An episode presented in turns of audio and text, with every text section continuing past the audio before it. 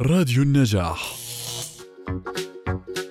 ممكن إنه إحنا ندرب الطفل على غياب والدته لتجنب آه، حدوث مشكلة رهاب الفراق من أي عمر إحنا ممكن ان نبلش ندرب هذا الطفل لحتى إنه آه، فعلا يتدرب على غياب والدته؟ كيف نعم. ممكن إحنا كمان هلأ شوفي التدريب لما بيكون في آه، مشكلة بندرب.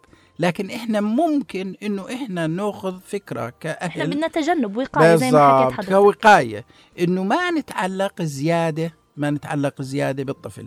في شغلتين مهمات كثير في الأمهات مهم. اللي هن الحماية الزائدة والتدخل الزائد.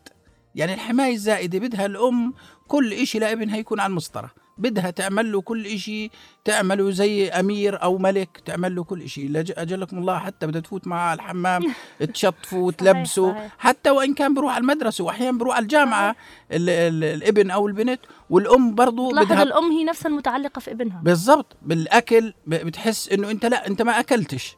أنت وجهك أصفر. آه، أنت نومك مش مريح. حتى بالنوم تتفقدوا إنه متغطي مش متغطي.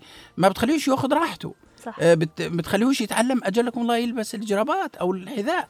صح. بدها تلبسه البنطلون بدها تلبسه كل شيء هذا ال over protection اللي هي الأم اللي بدها تعمل كل شيء لطفلها هذا أكبر سلوك خاطئ ممكن إنه يكون يبتلى فيه أي طفل إنه تكون عنده أم زي هيك. صحيح. ليش؟ لأنها بتحرمه من التعليم.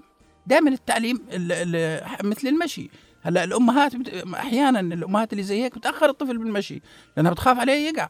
ما بتخليه ياخذ راحته إنه يستخدم عضلاته يسوي تناسق عصبي عضلي يقع مرة مرتين لا هي بدها إياه.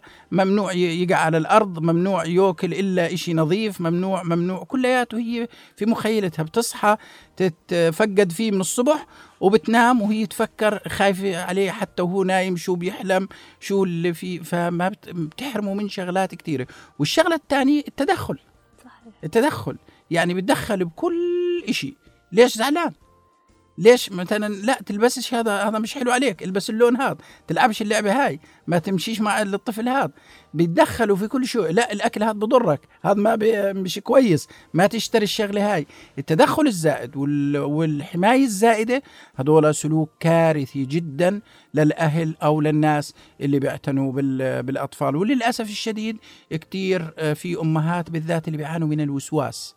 اللي عندهم الوسواس القهري اللي هم الناس اللي مرات بيزعلوا من معنى كلمة وسواس. معنى كلمة وسواس إنه إنسان آه، يعني مرتب كثير وإنسان حريص جدا على إنه تكون الأمور ماشية صح. يكون قلق عنده يعني. فهي نوع من أنواع القلق. قلق. فبتزيد أيوة، المشكلة. صحيح. فإحنا دائما لما نشوف حد بالأسرة زي هيك واجب باقي أفراد الأسرة إنهم ينبهوه.